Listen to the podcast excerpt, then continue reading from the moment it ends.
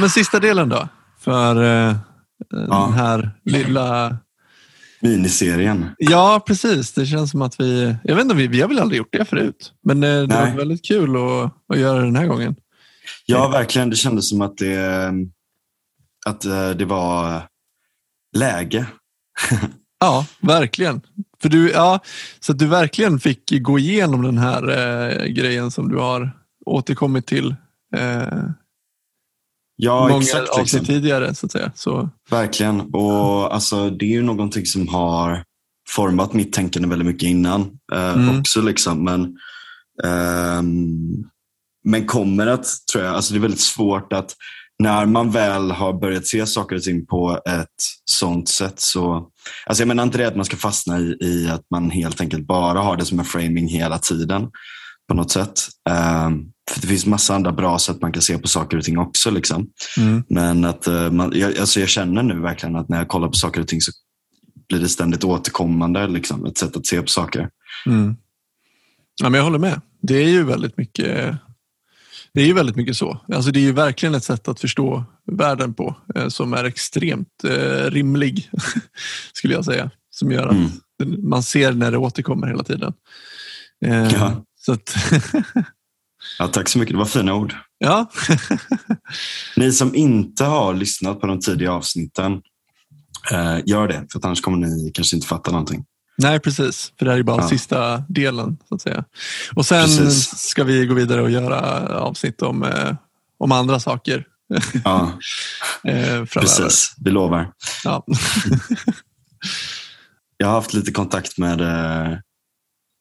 med en snubbe som håller på med kärnkraft. Det hade varit kul tycker jag. Ja, det, ja, jag vet, alltså det, det är en fråga som folk har kontaktat oss om att ta upp flera gånger tidigare.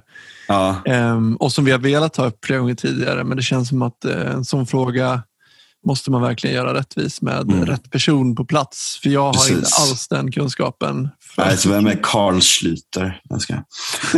ja, precis. Eh. Nej. Nej men absolut. Vad heter de? Per Garton. De är så jävla, det är liksom alla de här konstiga miljömännen. ja, precis. Ja. Ja. Jag hade en kompis över helgen. Aha.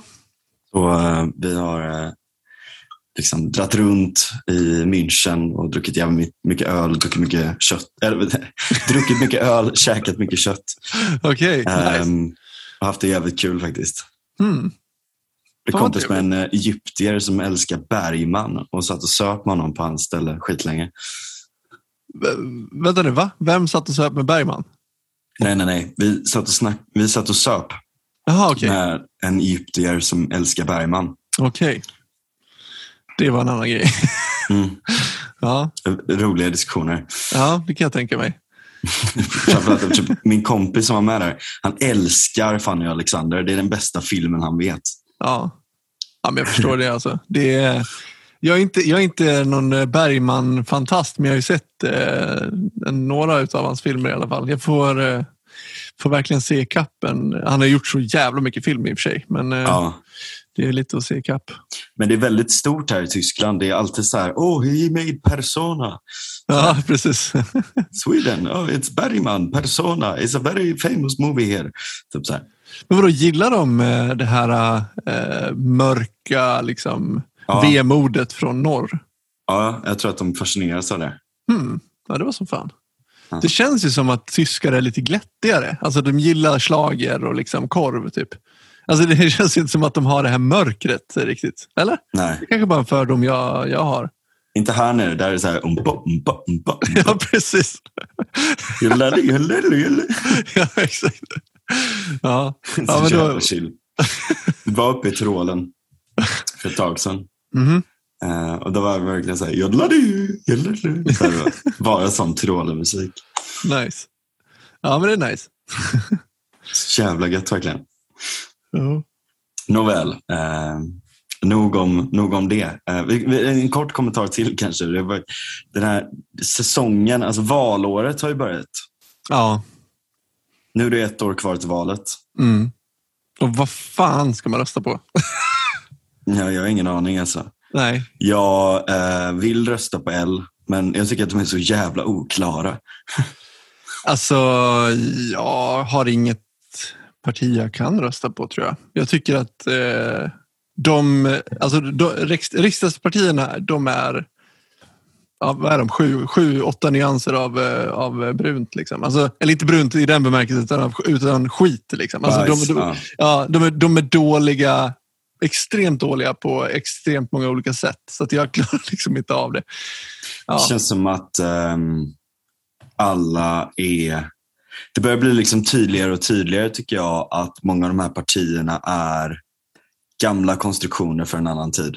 Ja, Verkligen. Finns det något av partierna som är för frihet överhuvudtaget? Alltså, Nej. allvarligt talat? Nej. I princip inte. Alltså det, det, det, är liksom aldrig något parti som verkligen skulle ställa sig upp för att försvara det på liksom, även sådana saker som bara säger varför är det här så jävla viktigt? Uh, typ, alltså, det, är ett sånt jävla liksom, test. Mm felcitera, lackmustest eller något sånt där. Jag kommer inte ihåg vad det heter. Men ja, du vet så här, mm. så att om det även är en skitfråga och man står upp för friheten där, mm. då, då bryr man sig faktiskt om frihetlighet. Typ. Alltså, ja, om det är så här rökning på uteserveringar. Typ. Mm. Ja, men alltså, exakt. ja, varför är det så jävla viktigt? Mm. Jo, för att det blir den kokta grodan annars. Liksom. Mm, så här, Ja, då, alltså en frihet efter en annan bara stripper, strips away. Mm. Och så står man där och bara, nu får fan inte göra någonting. Liksom. Ja. Och, så, och så under tiden då, om, om man kritiserar det då, liksom. Mm. Alltså om, om det är så här, så här, varför, varför gör vi så här, bla, bla, bla, bla, så får man den här, oh, varför bryr du dig om så, så små saker? Mm. Du borde bry dig om det viktiga istället, som är typ det här eller det här som jag tycker är viktigast. Typ. Och det, man kan ju bry sig om det också.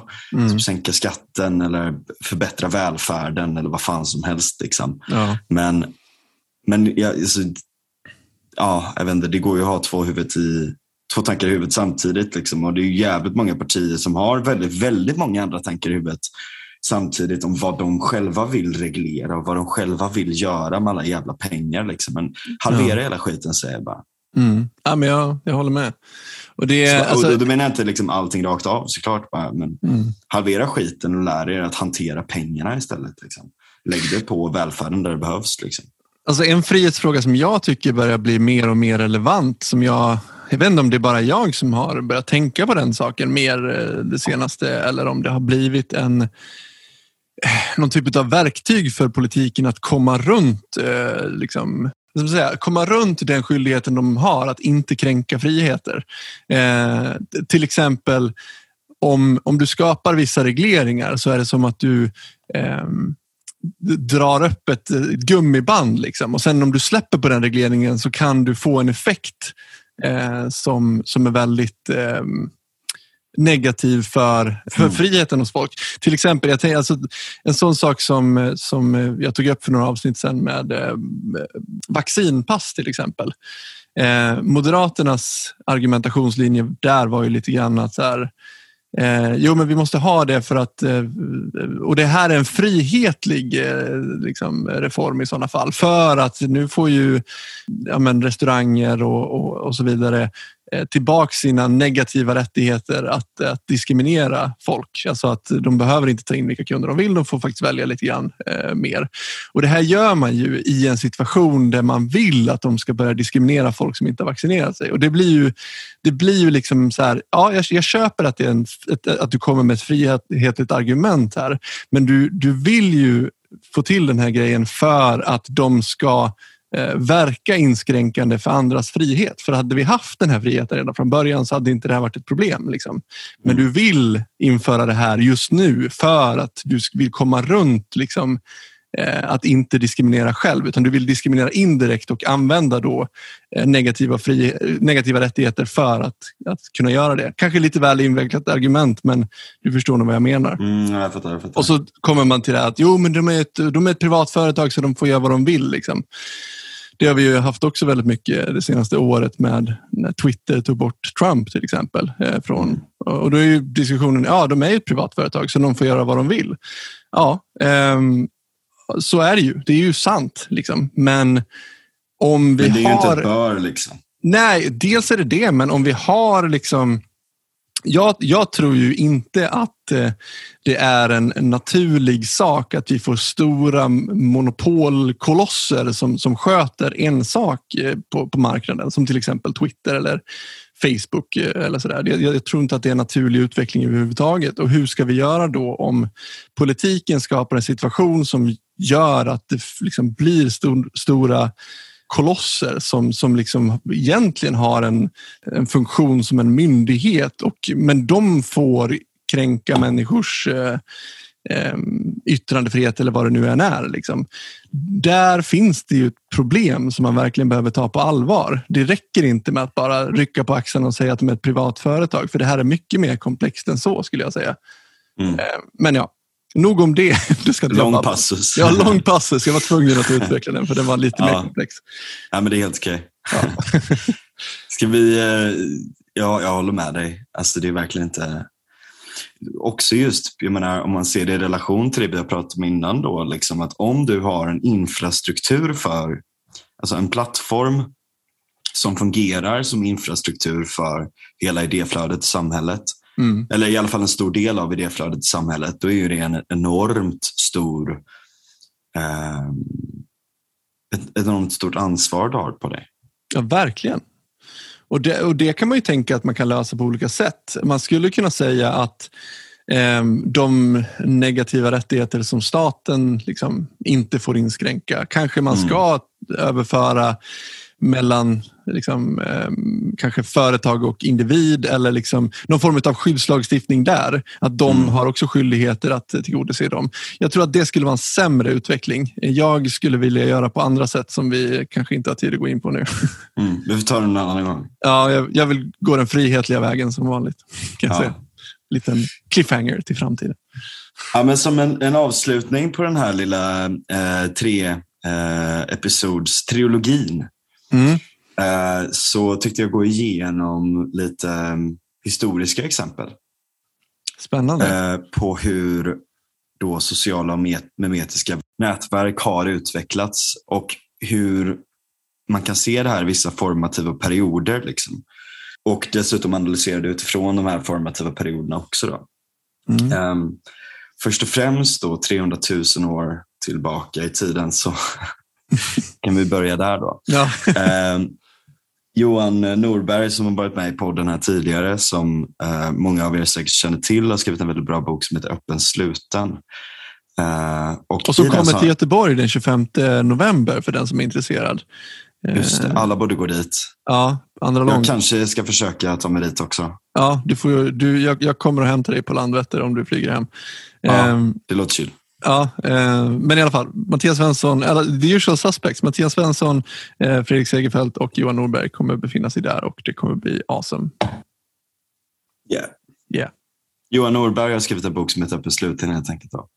Och i början av den så skriver han lite om så här, alltså hans, han är mer tesdriven eh, mellan då öppenhet och slutenhet. Men eh, det finns en del, och han menar då, alltså hans tes genom boken är att öppenhet gen, alltså rent historiskt har varit det mest effektiva för att skapa eh, välstånd och utveckling och eh, alltid vara kärt på något sätt. Ja. Eh, och att det är många fall när man har slutit sig som en reaktion på någonting som saker och ting faktiskt har gått riktigt dåligt. Mm. Men eh, det är inte riktigt det vi kommer att prata om. Även om det såklart också har en konnotation till hur nätverken är organiserade. Då. Men om vi, om vi börjar då från väldigt, väldigt tidigt så kan man se redan för 300 000 år sedan att vi hade indikationer på tidig form av fjärrhandel. Mm. Som vi har pratat om innan finns det ju det här med komparativa fördelar. Då. Det vill säga att jag specialiserar mig på en sak, du specialiserar dig på en sak x antal andra människor specialiserar sig på olika saker och eh, därför så kan vi skapa en mer diversifierad eh, ekonomi mellan varandra och man kan specialisera sig på de sakerna man är bra på och det är mer effektivt än om alla gör allt. Vi kan se det från encelliga organismer kan man säga mm. till, eh, till ja, hur vi organiserar oss som människor. Och här kan vi se då att det är inte bara det att du har några som är samlare, du har några som är jägare. Eh, och eh, de delar upp sig på ett visst sätt utan det är också det då att du har olika kluster som har kommunikation mellan varandra och handlar mellan varandra. Mm. Um, och Det här är ett bra exempel då att um, i Olorgesai, jag vet inte om jag uttalar det rätt, Mm -hmm. som är en uttorkad sjö i Kenya så har man hittat specialiserade verktyg gjorda av obsidian som är vulkaniskt glas. Då. Mm -hmm. I, kan man säga typ eh, dåtidens nanoteknologi för att det var så här, eh, det var lätthanterligt, kunde vässas till vapen och verktyg och allt möjligt. Så där. Men det var rätt sällsynt. Och det anmärkningsvärda här då är att det har inte funnits obsidian naturligt på den här platsen utan det, den här härstammar från en plats som ligger eh, ungefär 90 kilometer därifrån fågelvägen över ett stort jävla bergsmassiv. Mm -hmm. Så vad man tror då är att de här varorna har gått som stafettpinnar i tidiga handelskedjor mellan flera stammar. Just det. Um, och Det finns även andra exempel. Då, uh, pigment till exempel för att färga kläder och, och sådär också. Och um, verktyg och annat som, som man har hittat som, som kan ha som kan ha då liksom en, ett ursprung från någonstans. Då. Men är det här, hur gammalt är det här? Är det här 300 000 år tillbaka vi pratar? Ja. Jävlar alltså, för det är ju nästan... Det är ju jävligt länge sedan. Ja, det är ju jävligt länge sedan. Nej, men det, det är ju, jag menar, hur gammal är människan? Vi har väl inte funnits så mycket längre än så? Nej, alltså det, det är det här då att alltså det intressanta här är ju inte materialen nödvändigtvis, utan att vi liksom när Homo sapiens börjar träda fram och när vi konkurrerar ut neandertalarna så är det på grund av att vi har de här effektiva strukturerna. Och att vi inte bara organiserar oss internt genom släktbaserad altruism eller bara genom en reciprokal altruism baserat på människor som man haft i sin stam och haft hög tillit till och sådär. Utan en form av reciprokal altruism genom handel i stora eh, kluster. Då. Mm. Eh, eller mellan, mellan olika kluster i stora nätverk. Men ja. Och under den här tiden, som du säger, då, så är det ju eh, då Homo sapiens verkligen träder fram, eh, mm. kan man säga. Och Det är för att vi, vi lyckas skapa en del memetisk infrastruktur under den här tiden. Dels hur vi organiserar oss socialt, um, hunter och gatherer-samhällen. Um, och att vi börjar få språk på grund av att det är ett effektivt sätt att organisera sig. Så när kvinnorna har samlat så sitter de och tar hand om barnen, så sitter de och pratar med varandra och börjar kommunicera och börjar bygga upp det här som sedan blir ett språk. Liksom. Mm. Eh, det finns en tes runt det där som är, men det, den är ju lite spekulativ då, men i evolutionärpsykologin så pratar man om en tes om att uh, kvinnor än idag har högre uh, aktivitet i um, vissa av de här områdena och mer verbal intelligens, mer emotionell intelligens. Mm. Um, och Det kan ju delvis vara det som fick dem att börja med uh, att börja skapa de här memetiska strukturerna och, började, eh, och infrastrukturerna som språk och, och så vidare. Så um, men det kan också vara så att det i sin tur, att de gjorde det, har stärkt det också. Mm. Just det. det här, här, skapar man även då så här, goda incitament, kommunikation, tillitsskapande och eh, jävligt mycket av de här olika delarna. Då. Alltså en marxist skulle ju säga att, att du försöker eh, förfalska historien här och säga någonstans att, eh, att eh, kapitalism och handel är fundamentalt för den mänskliga naturen. Ja, fast det är fundamentalt. ja, jag vet. Ja. ja. Precis, men, men, så det, det, är det du försöker säga? Liksom, att, att, ja. Jag tror inte Mark skulle ha något emot den beskrivningen själv. Det är väl snarare liksom... Nej, det är sant i och för sig. Dum, dumma folk, folk som inte har läst Marx, höll jag på att säga. Nej, jag har inte läst mycket Marx, men jag kan säga att det, jag kommer i kontakt Nej, med. men jag menar, det är väldigt många vänsterpersoner som hade, eh, så här, vänsterpersoner, de här jävlarna, eh, slår brett här. Det är nog väldigt många på vänstern som, som inte skulle gilla den idén, eh, utan som säger att det här skulle ha med samarbete att göra. Just det. Men det, och det är samarbete också. Jag menar, så här, det, är inte, det är inte en strikt individualism, utan det är arbetsdelning. Just det. Eh, alltså en person, alltså om du har typ så här, nu kommer jag använda sån här zoomer-lingo som du inte förstår. En sigma mail klarar sig inte nödvändigtvis bättre. Nej, men en, en så här själv, eh, självstå, eh, liksom självstående network isolate. Mm. Om man, om man tar liksom någon radikal, nästan reductio ad absurdum form av individualism. eh, Så Ja, en inte- alltså, nidbild skulle jag säga. Nidbild såklart. Ja, precis. Så, precis. så där kan man ju se att så här, gemenskapen, men det är ju någonstans, de här gemenskaperna som formas är ju inte kravlösa heller.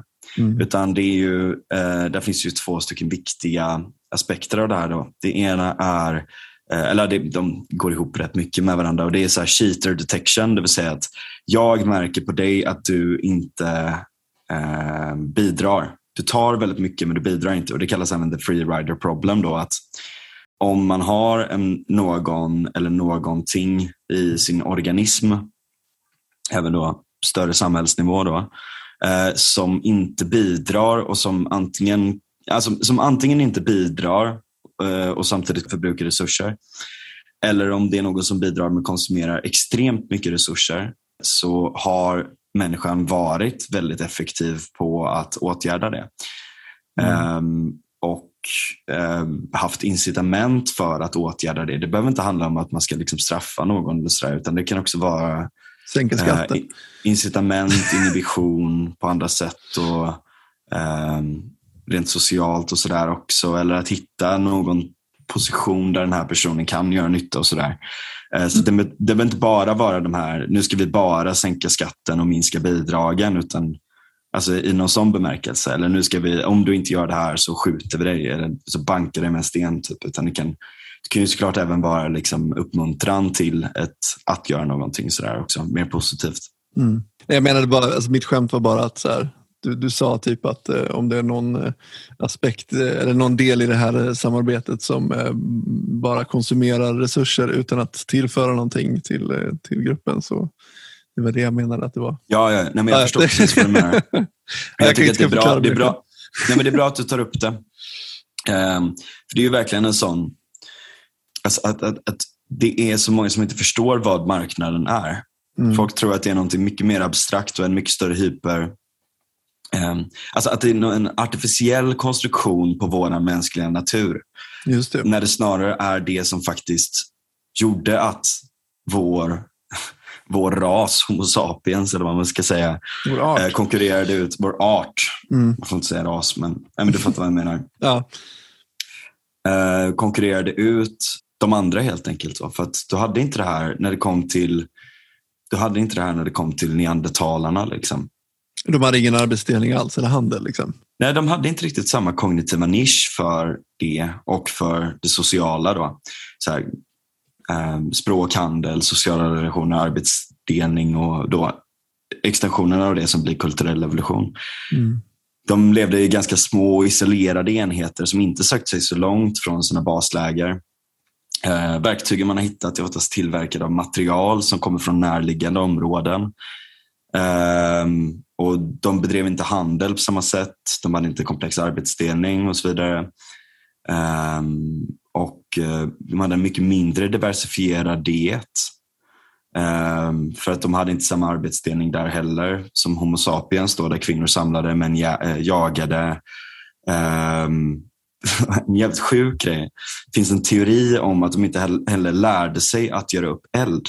För de, de använde eld ibland, men de fornlämningar, och fråga mig inte, jag vet inte fan hur de lyckades bekräfta det här då exakt. Liksom, men de har märkt då att fornlämningar, att det fanns liksom mer eldstäder och sånt under de varma, alltså i varma delar av världen och i, under, varma delar av, eh, under varma perioder när det var mer åska.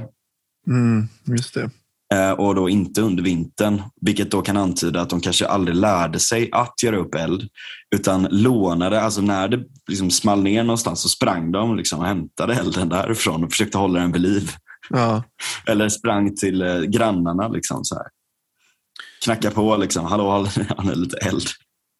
Det är, ja, nej, men det är väldigt konstigt. Alltså, homo sapiens, eller vad säger jag, eh, neandertalare låter ju väldigt primitiva. Alltså på, på, på nivå som inte ens eh, många andra djur är. I, i sådana fall tänker jag. För att det, många djur lär sig ju ändå att använda liksom eh, jag kan inte att göra upp eld i och för sig. Det är väl kanske det som skiljer oss från djuren och att eh, neandertalare är mer djur då i, i våra, enligt våra liksom, definitioner. Då.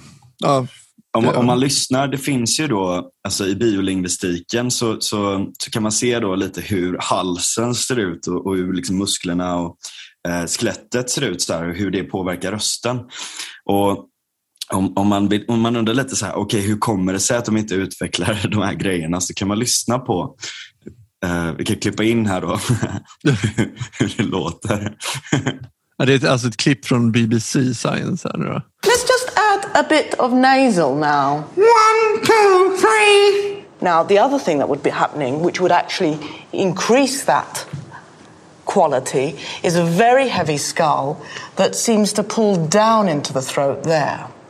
Now, add to that the fact that they had a fantastic chest which is a support system of breath, which can produce enormous chest resonance and tremendous power. So I imagine that they wouldn't have subtle sounds. It would be loud, very loud, or very, very loud. And we can try and get that by. I'm now going to engage Elliot by push into me. This is actually getting him right into his body. Now speak. One, two, three. Now let's make a sound. Just let's make a huge R. And again.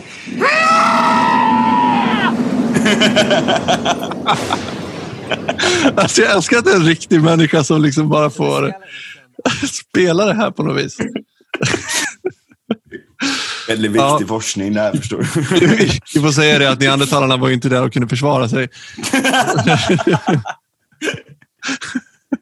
Ja, och det var faktiskt inte heller för att vi liksom nödvändigtvis dödade alla utan för att de var så jävla värdelösa själva. ja, precis.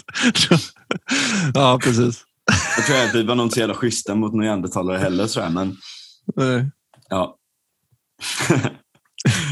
ja, nej, men det, man kan gå in på hur mycket detaljer runt det här som helst egentligen. Men, men det, det vi kan se är i alla fall att de här fundamentala delarna gjorde att vi kunde utvecklas. Och, och jag menar, där tar det ju jävligt lång tid också för de här idéstrukturerna att byggas upp. Som vi diskuterade innan där med Dennet, vissa memes och vissa memetiska strukturer, sånt som vi har nära till hands, det tar väldigt, väldigt lång tid att bygga upp eh, eh, större memetiska strukturer, verkligen förankrade hos alla människor över tid. Då.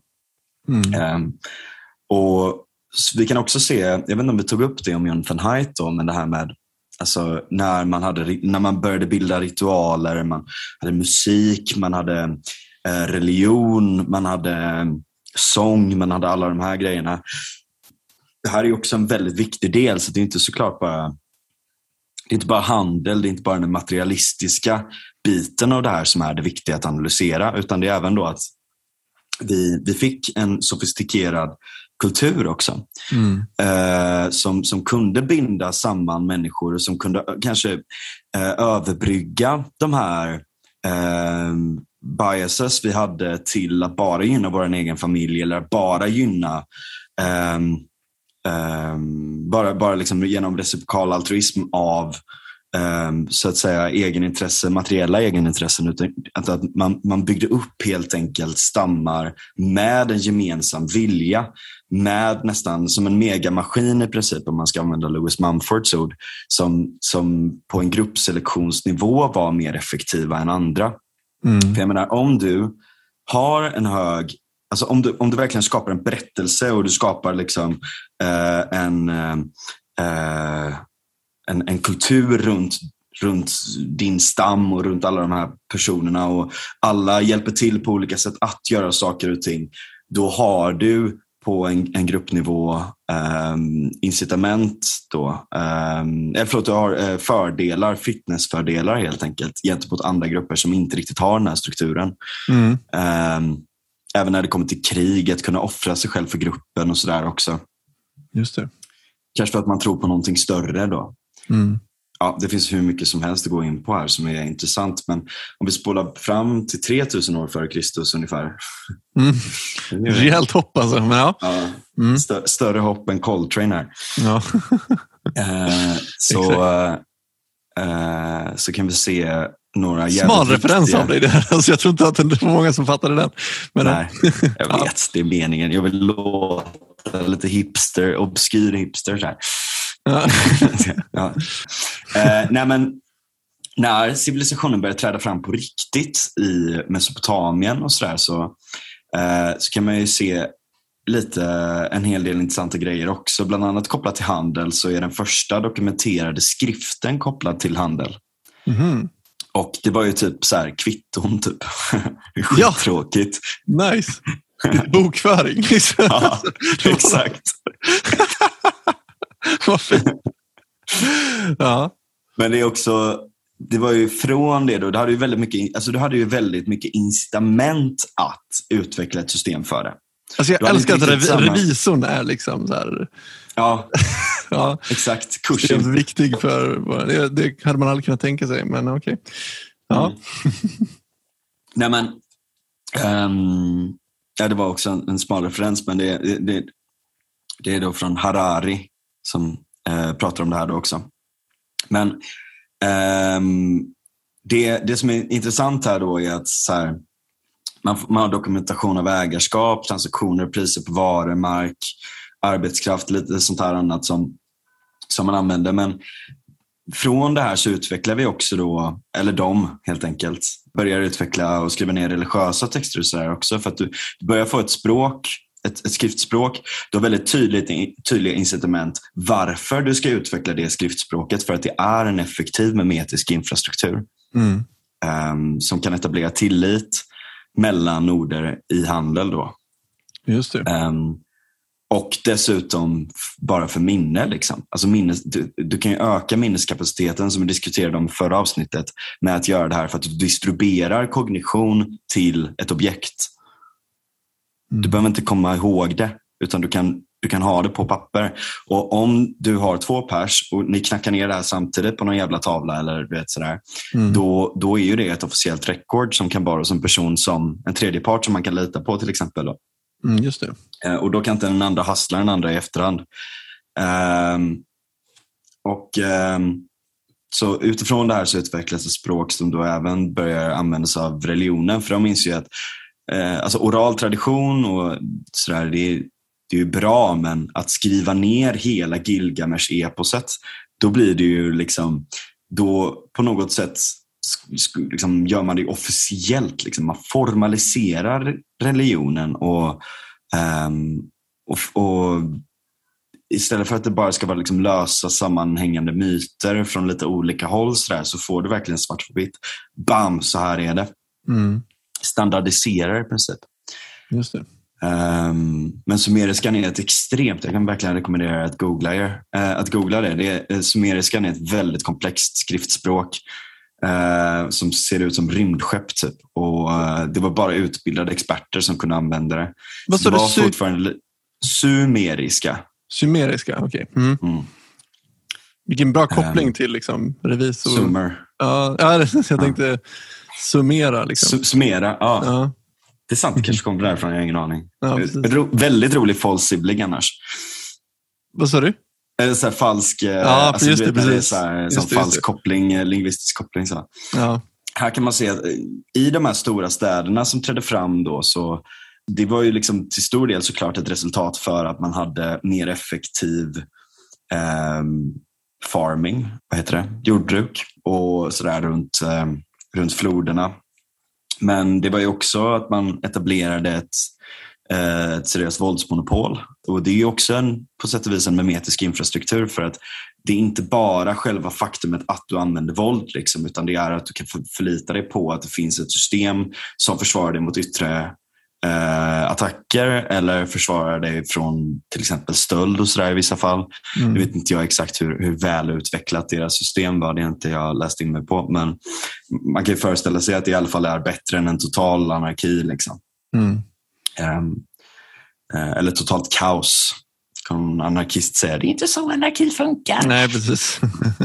uh, det är sant. Men det här, där kan man också säga att städer i regel då att vad som händer här är att du har ett överskott på mat så att du kan få en ännu större specialisering i städerna på nya verktyg, nya sätt att hantera saker och ting eh, som gör att det i sin tur ökar matproduktionen och, eh, och så vidare. Så det blir ju som eh, ska man säga, innovationsmaskiner och det följer faktiskt även idag att städer i regel är betydligt mycket mer innovativa än vad, mm. vad landsbygden är. Just för att ha så många människor som träffas och utbyter idéer och specialiserar sig inom olika saker. Just det. Precis. Men det här behöver inte bara, just när det kommer till utbyte och sånt, så behöver det inte bara vara inom en stad. Utan lite senare så, det här är för övrigt, jag sa 3000 år innan och det här är faktiskt lite tidigare, nu ungefär 4000 år. Mm, okay. Mellan 4000 och 3000. Men under den här tiden ungefär som 3000 år före Kristus, eh, eller före vår tidsräkning, så, så kommer Fenicien också. Vad som är så jävla intressant ur ett nätverksperspektiv där är att de kopplar ihop de gamla civilisationerna från Mesopotamien med de nya som börjar komma upp i Grekland, romarna, etruskerna och så vidare. Mm. Eh, och har ett stort handelsnät mellan de här i princip. De utvecklar ett språk som inte behöver lärda män för att skriva, ett skriftspråk. Då. De utvecklar nya båtar som är mer tillämpade för handel också dessutom. Mm. Så den här formen av infrastruktur som de bygger både materiellt och memetiskt då, lägger i princip grund för antiken. Just för att du kopplar ihop alla de här olika civilisationerna och det är inte bara varor som går längs med handelsvägarna. Det är myter, det är eh, idéer, det är lärdomar, Mm. Um, och uh, man, man, öppnar också även upp då för, för att liksom, shit, det finns, de här ställena finns där också. Liksom. Det, någonstans blir det närmare. Liksom. Och det är den här under den, den här bronsåldern som man pratar om då, som, som är som en gyllene era kan man säga för mänskligheten. Mm. En väldigt, väldigt formativ period. Där kan man ju se att det, liksom, det ökar ju alla olika, alltså av att ha ett sådant system alltså dels med starka noder, på, eller starka kluster på vissa ställen i form av städer mm. eh, som är relativt stabila så har, så har du ju du har du olika kluster som har väldigt starka kopplingar med varandra internt. Där, liksom. Men du får även ett så att säga lager eller en nivå ovanför det med nätverket som skapas med de här städerna emellan. Då. Mm. Och man kan säga att den mellanhanden, the broker, i det här fallet är då fenicierna. Mm, okay. Som sagt mm. um, Just det. Även om man, om man fortsätter på det här med idéer då, så, så kan vi se liksom att antikens Grekland blev ett kluster för många starka länkar mellan lärda män och många svaga länkar dessutom. Inte bara till lärda män runt om i världen utan till idéer, myter och vetenskap som har utvecklats i årtusenden från andra delar av världen som har kunnat gå som stafettpinnar. Då. Um, och genom att låna, omformulera och utveckla så skapade grekerna nya memetiska infrastrukturer som filosofin, matematiken och i princip vetenskapen som vi ser den idag. Uh, eller förlåt, um, alltså, grunden för vetenskapen som vi ser den idag på sätt och vis. Eller i alla fall många viktiga teoretiska teoretiska grunder. Jag menar, det kan man bara se på mm. språket, hur mycket grekiska vi använder. Uh, ja, men du har ju ord till exempel som ja, teori har ju rötter bak till grekisk, grekiskan, bara det. Men du har ju hur många andra ord som helst som, som kommer därifrån som vi fortfarande använder idag. Mm. Och vi har idéer som fortfarande finns kvar idag. Där är ju, kan man säga, alltså, om man ser det som ett memetiskt nätverk då, ett familjeträd. Ur ett familjeträdsperspektiv, ur ett etymologiskt perspektiv så kan du se hur, det, hur vissa ord har utvecklats och vad de har kopplats till för andra olika idéer och sådär också. Mm. Uh, och dels kan du se hur vissa av koncepten har utvecklats till att bli nya saker, men dels kan du se hur vissa fortfarande finns kvar än idag. Och det behöver inte bara vara ord, det kan även vara um, Pythagoras sats, uh, det kan vara um, Platons idéer mm. till exempel. Uh, eller stoikerna har blivit stora igen nu.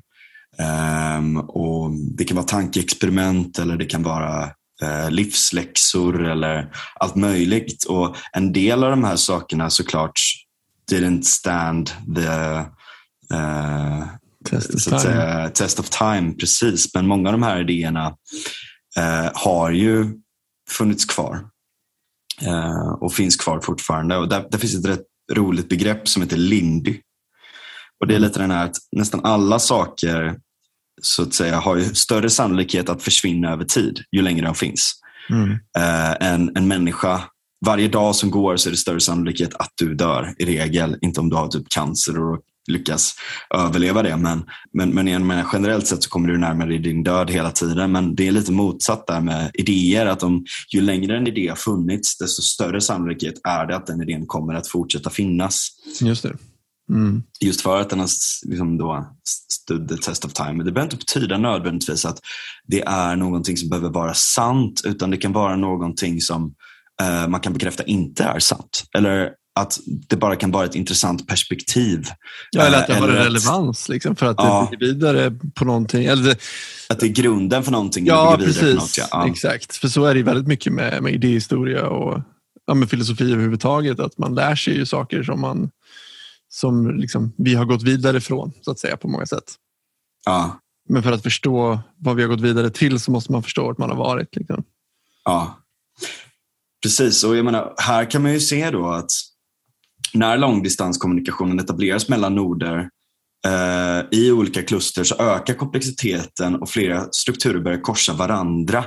Dessa kluster blir ju kan man säga, nya emergenta nivåer i nätverket och samma enskilda grundnod som är människan är inte bara en del i sin egen stam utan den kan ingå i en stad, den kan ingå i en nation eller en civilisation som, som ett, eh, ett, empire, the Roman Empire. Liksom.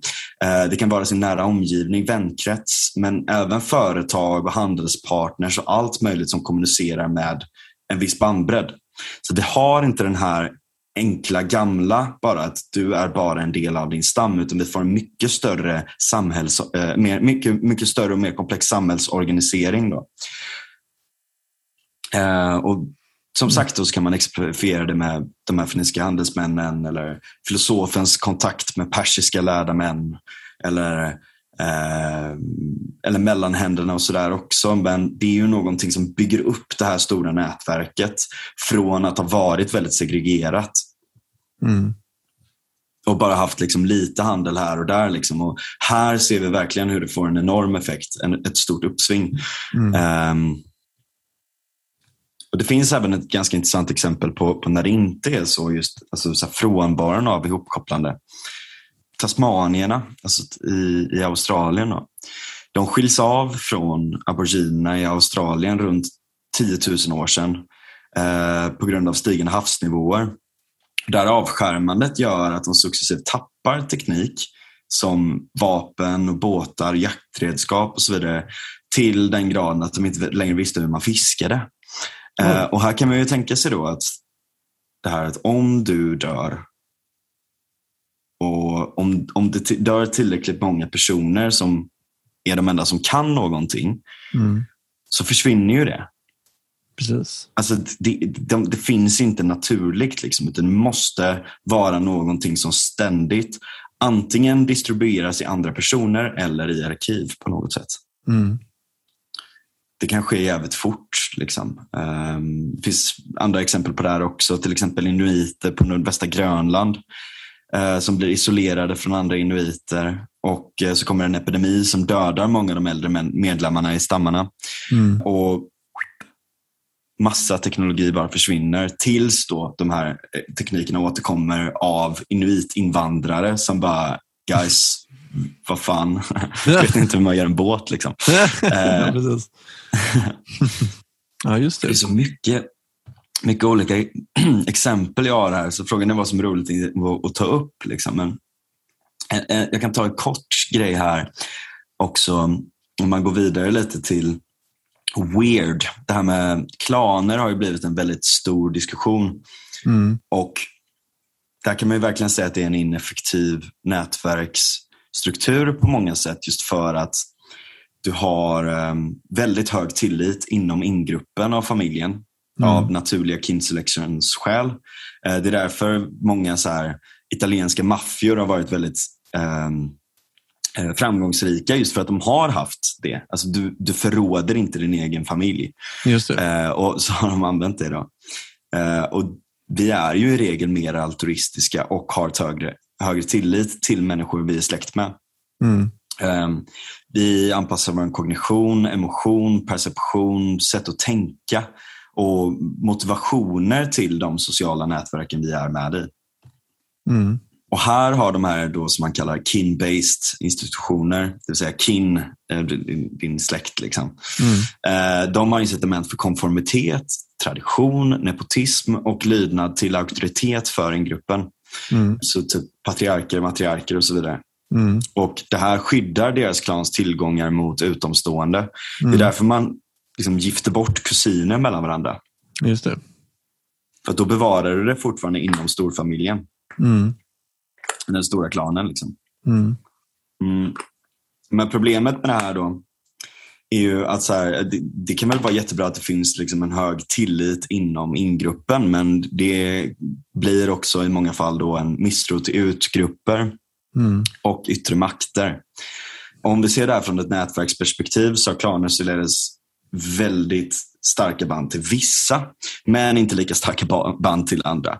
Mm. Eh, och De grupper man har testat det här för visar lägre nivåer, eh, typ donera blod, hjälpa en främling, men även till, lägre tilltro till stater och lagar. Man betalar inte böter eller man, man, man följer inte riktigt lagarna. Eh, det finns liksom ingen... Man, man, man, har, man känner inte ett, um, att det är moraliskt att följa lagarna om det på något sätt skulle um, missgynna ens ingrupp. Mm. Och Det här har vi haft i, i Europa också. Mm. Men innan medeltiden så var Europa väldigt likt andra sådana här samhällen.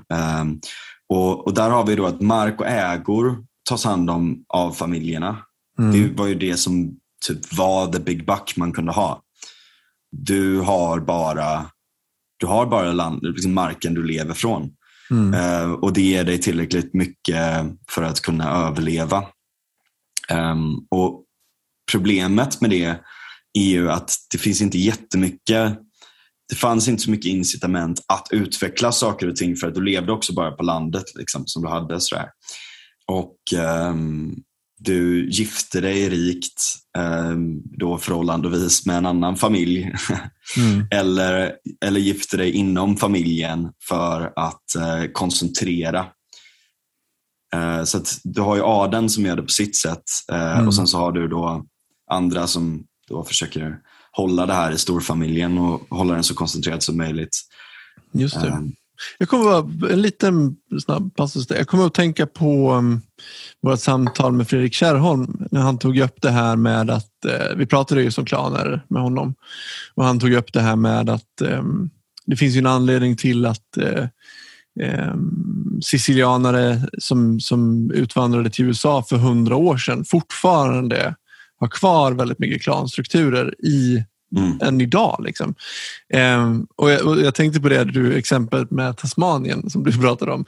Uh, just att, att om en ö är avskild lite grann från fastlandet så, kan, så tänker jag att det kan påverka varför de kanske inte alltid hänger med lika mycket.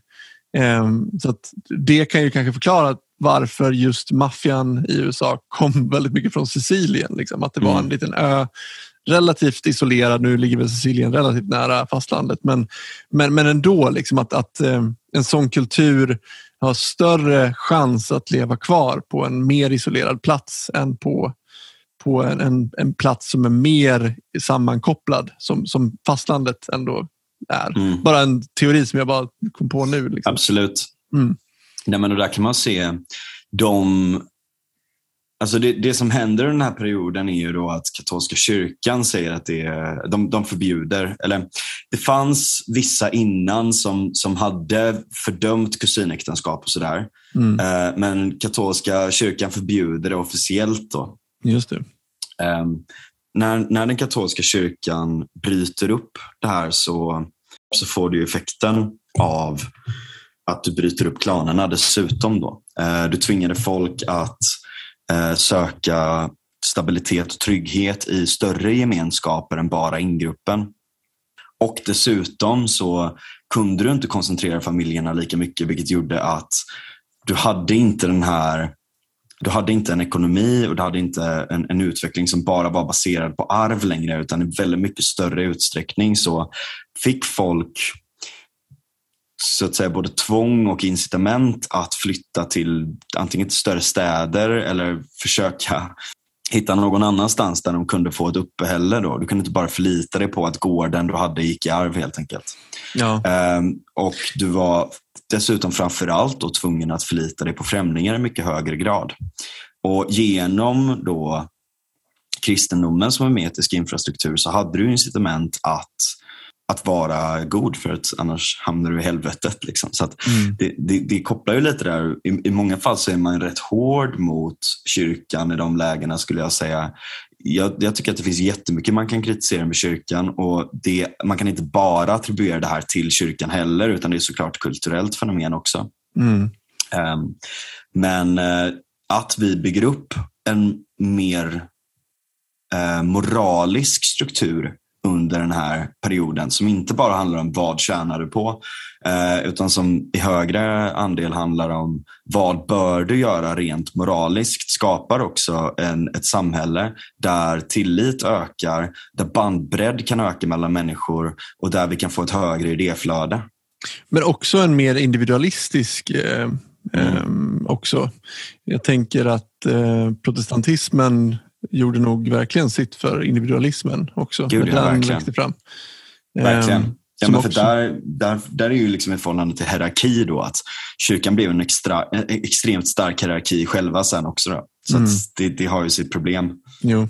Och, eh, och där kan vi se då att jag menar, det, det, det var ju rätt bra. Vi fick ju, kan man säga, den första industriella Alltså, vi började eh, utveckla maskiner i mycket högre grad under den här perioden Mm. eh, under medeltiden och eh, vi börjar få mer utveckling på, på massa olika håll. Då. Men det kommer ju till en punkt då där, vi, där vi har rätt utvecklade samhällen. Det, vi, har inte, vi har inte de här maskinerna och verktygen som vi ser det idag, typ, eller ens eh, nödvändigtvis koleldade verktyg. Men, men du, du, du får liksom under den här perioden rätt avancerade verktyg både för jordbruk och för produktion och dessutom för krig kan man ju lugnt säga. Många andra områden också på grund av att du får fler artisaner, du får skråväsendena, du får mer utvecklade städer, mer utvecklade statsapparater eh, Mm. och så vidare. Men hierarkin som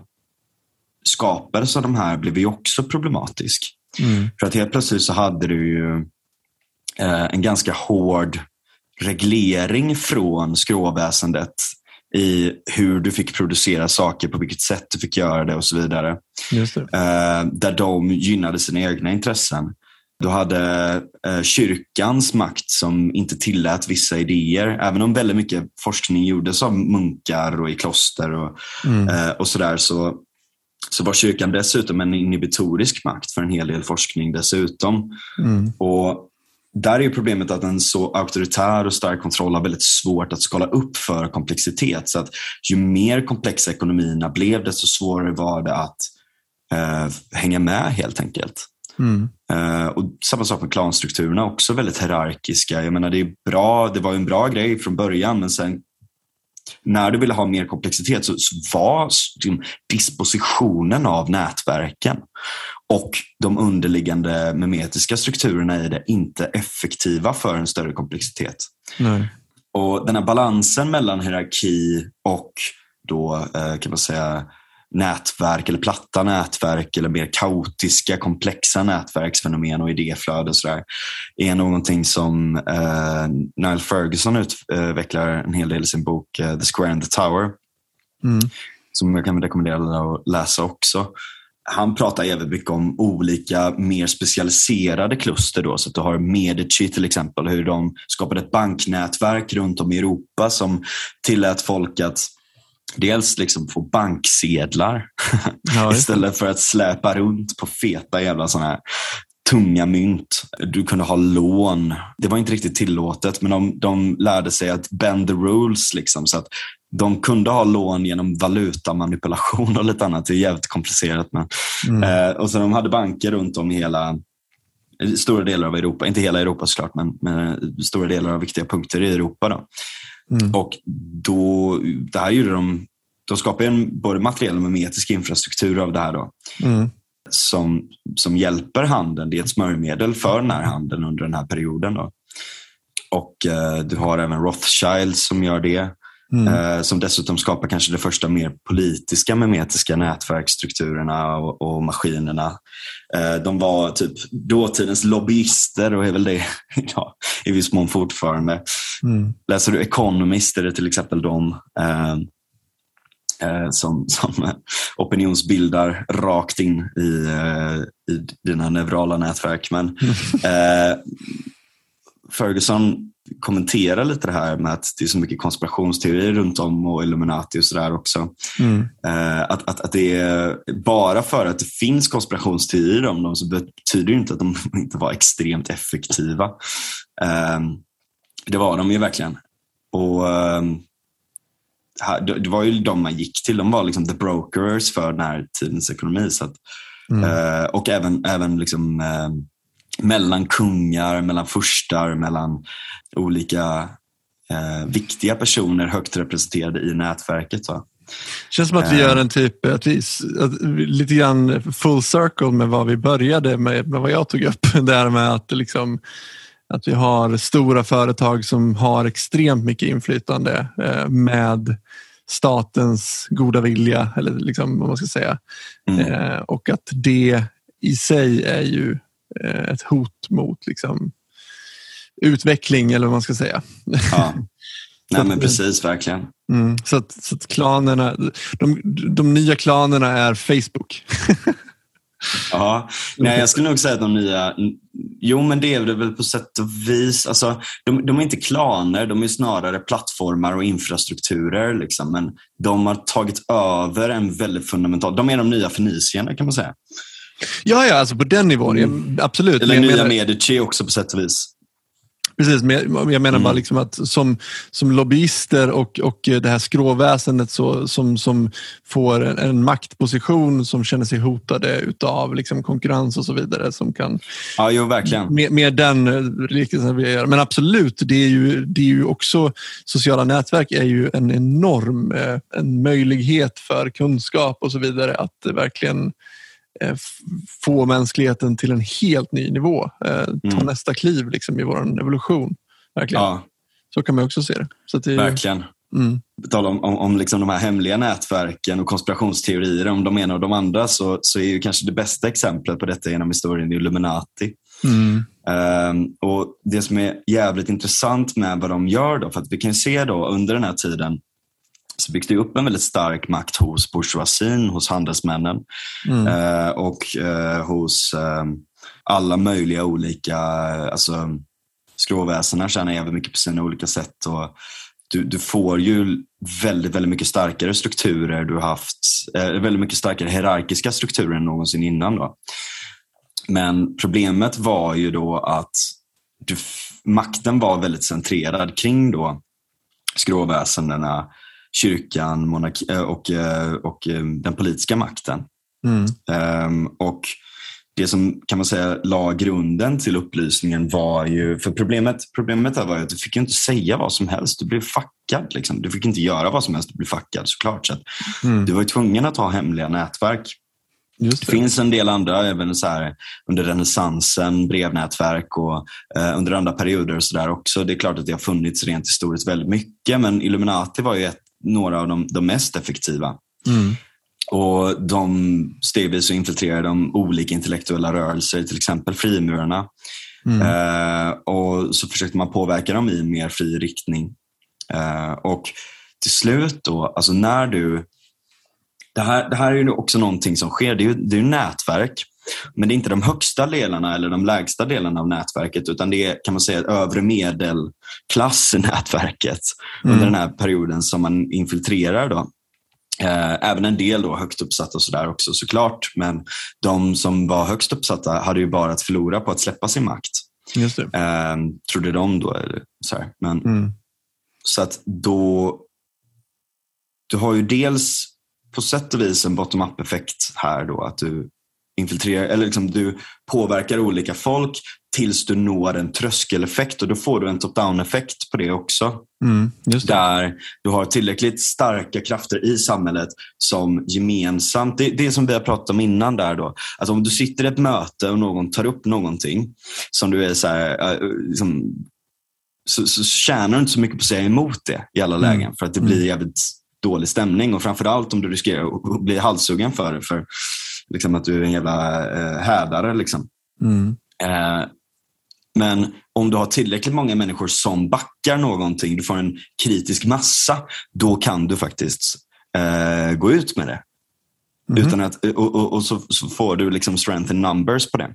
Och Det är lite det som händer här då och som lägger grunden till väldigt mycket av, av um, upplysningen att man lyckades få med tillräckligt många under ytan på det här det, det gick ju inte över en dag till en annan. Det är väldigt, väldigt mycket som, som sker innan vi slår över till att liksom, folk verkligen började bli offentliga med det här. Då.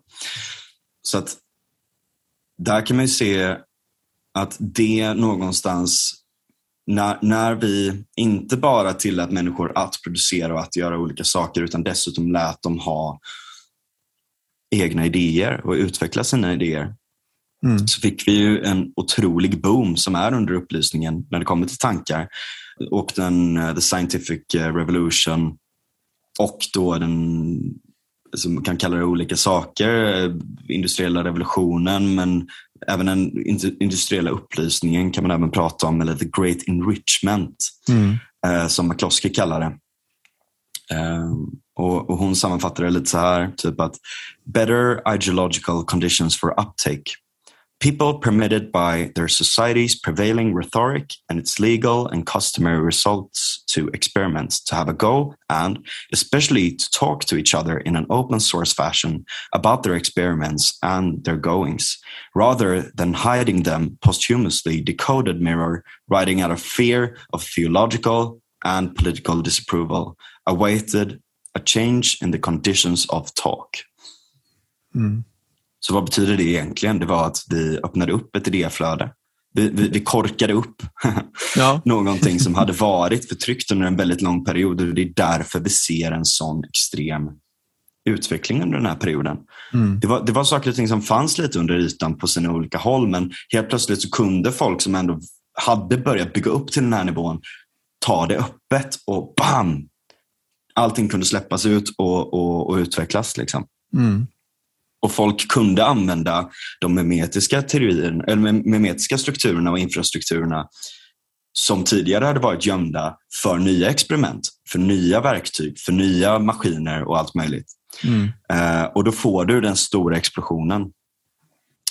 Sista, alltså, vi kan gå in vidare här på, på um, McCloskey och jag skulle gärna vilja göra det men det kanske är faktiskt någonting vi skulle göra med Mattias. Det hade varit jävligt intressant att göra det med Mattias någon gång och verkligen gå igenom henne. Verkligen. Så vi kan ju, jag hoppas att det här gav liksom ett sätt där man kan se på nätverksteori och memetik genom de historiska exemplen också så att det inte bara blir teori eh, utan så man, man, man, man liksom helt enkelt får det lite i kontext. Sådär. Mm. Eh, och det är, det är svårt att bara sitta och, och, och rabbla och förklara allting. Så att ni som vill eh, så ska jag eh, jag har haft en hel del annat att göra så jag ska bara fixa till med det allra sista med så att alla källor är på rätt plats och sådär. Eh, och prata med min, ehm, eh, min handledare och så, så att vi publicerar den.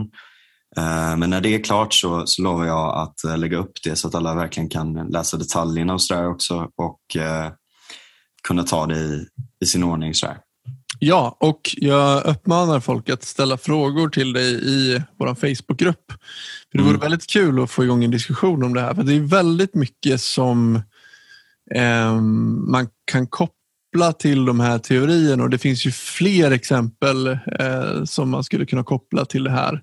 Eh, Verkligen. rent historiskt som, som eh, hade varit väldigt intressant att, att utforska och se vad du tänker kring och, och så vidare. Mm. Så att, gå med i vår Facebookgrupp och eh, ställ, ställ frågor till Frans om Mm. det är någonting ni funderar på eller någonting Ja, ställ frågor eller kom med egna eller- reflektioner Ja, gärna om det också. Det är jätteintressant. Eller om ni, kommer, om ni tänker på något historiskt skede där man skulle kunna applicera det här också. Mm. Problemet är ju lite det här med urvalet såklart. Att det, är, och det är någonting som jag är väldigt eh, transparent med också. Att det är ju ett, ett, ett, ett urval som är biased.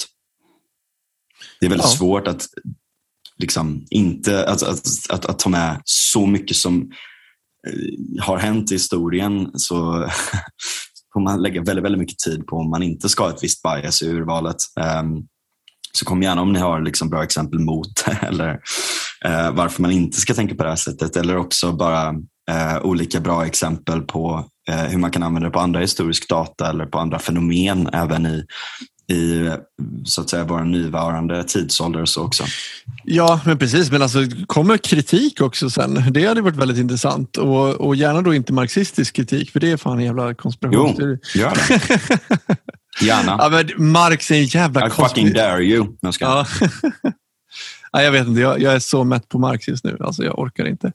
Men eh, ja, gör det absolut. Det, Tvångsmatad. ja, så in i helvete alltså. Det är helt sjukt.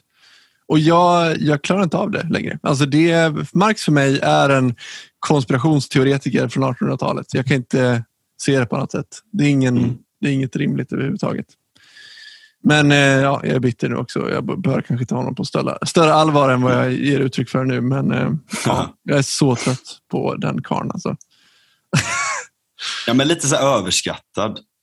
Ja, men jag tycker faktiskt det. För, för hela jävla idén är ju verkligen bara så här. Ja, de här säger det. Men det är bara för att de har intressen. Så att de ljuger egentligen om allt de säger mer eller mindre. Eller så är de för korkade för att förstå att de bara har intressen. Så att de bara säger saker för att upprätthålla en maktstruktur. Så att ta ingenting de säger på allvar. Eller någonting där. Det här är ju inte en filosofisk kritik. Utan det här är ju en konspirations, konspirationstänkande. Eh, kritik... Eh, Ibland kan det väl ha bra poänger sådär, men Ja, absolut. Det, är jättebra, det kan vara absolut en jättebra kritik för att det kan, men, men det blir Eh, jävligt löjligt. Liksom, ja, men det, kan, det kan verkligen belysa biases och så vidare. För att det finns absolut hos människor. Eh, det, det är självklart. Så att på det sättet så kan det absolut vara en bra kritik. Och det kan man även lyfta fram om man vill kritisera din, din eh, eh, uppsats här också. Eh, absolut. Men eh, Ja. kom inte med konspiratoriska idéer om att Frans företräder borg, den borgerliga makten. Typ. Då blir jag trött. Ja, jag ska sluta vara bitter nu. Det var en jävligt bra och intressant genomgång och särskilt nu här på slutet när man fick lite mer eh, så här, exempel eh, rent historiskt. Det var väldigt eh, kul. Jag tycker att det här är sjukt intressant. Mm. Ja, men det kom gärna som sagt eh, och, och diskutera det i eh, Facebookgruppen och så får vi höras nästa gång. Och så får vi ta med eh, Mattias Svensson snart och snacka om eh, McCloskey också. Hon Yes. menar ju på, alltså, jag kan bara säga kort och eh, koncist säga att hon, hon menar på att idéer är eh, kanske det mest fundamentalt viktiga mm. i utvecklingen och att jag menar, har de nödvändiga tillräckliga villkoren med institutioner och handel och så vidare. Men det handlar väldigt, väldigt mycket om vilka idéer vi har i samhället som är det centrala för hur väl samhället fungerar. Ehm, så eh, ja, Ja, tack väldigt- för, tack för den här. Ja, Och tack, Tack. för kul, kul alla ni som har lyssnat också. Ehm, jag hoppas att ni tyckte att det var kul att vi körde en liten sån serie på det här. Mm. Absolut. Och eh, nästa vecka... Alltså det är det. Vi har ju sagt att vi ska släppa upp lite grann och kanske inte släppa varje vecka eller kanske inte släppa på en specifik dag eller så, utan vi släpper när vi har någonting snarare. Eh, och förhoppningsvis hålla en, eh, en bra frekvens ändå. Så att eh, vi får helt enkelt se. Det får, det får falla sig som det faller sig helt enkelt med eh, när nästa avsnitt. Fallacy, fallacy. Ja, precis. Fallos. ja. Ja, Ehm. ha det gött. Ha det gött.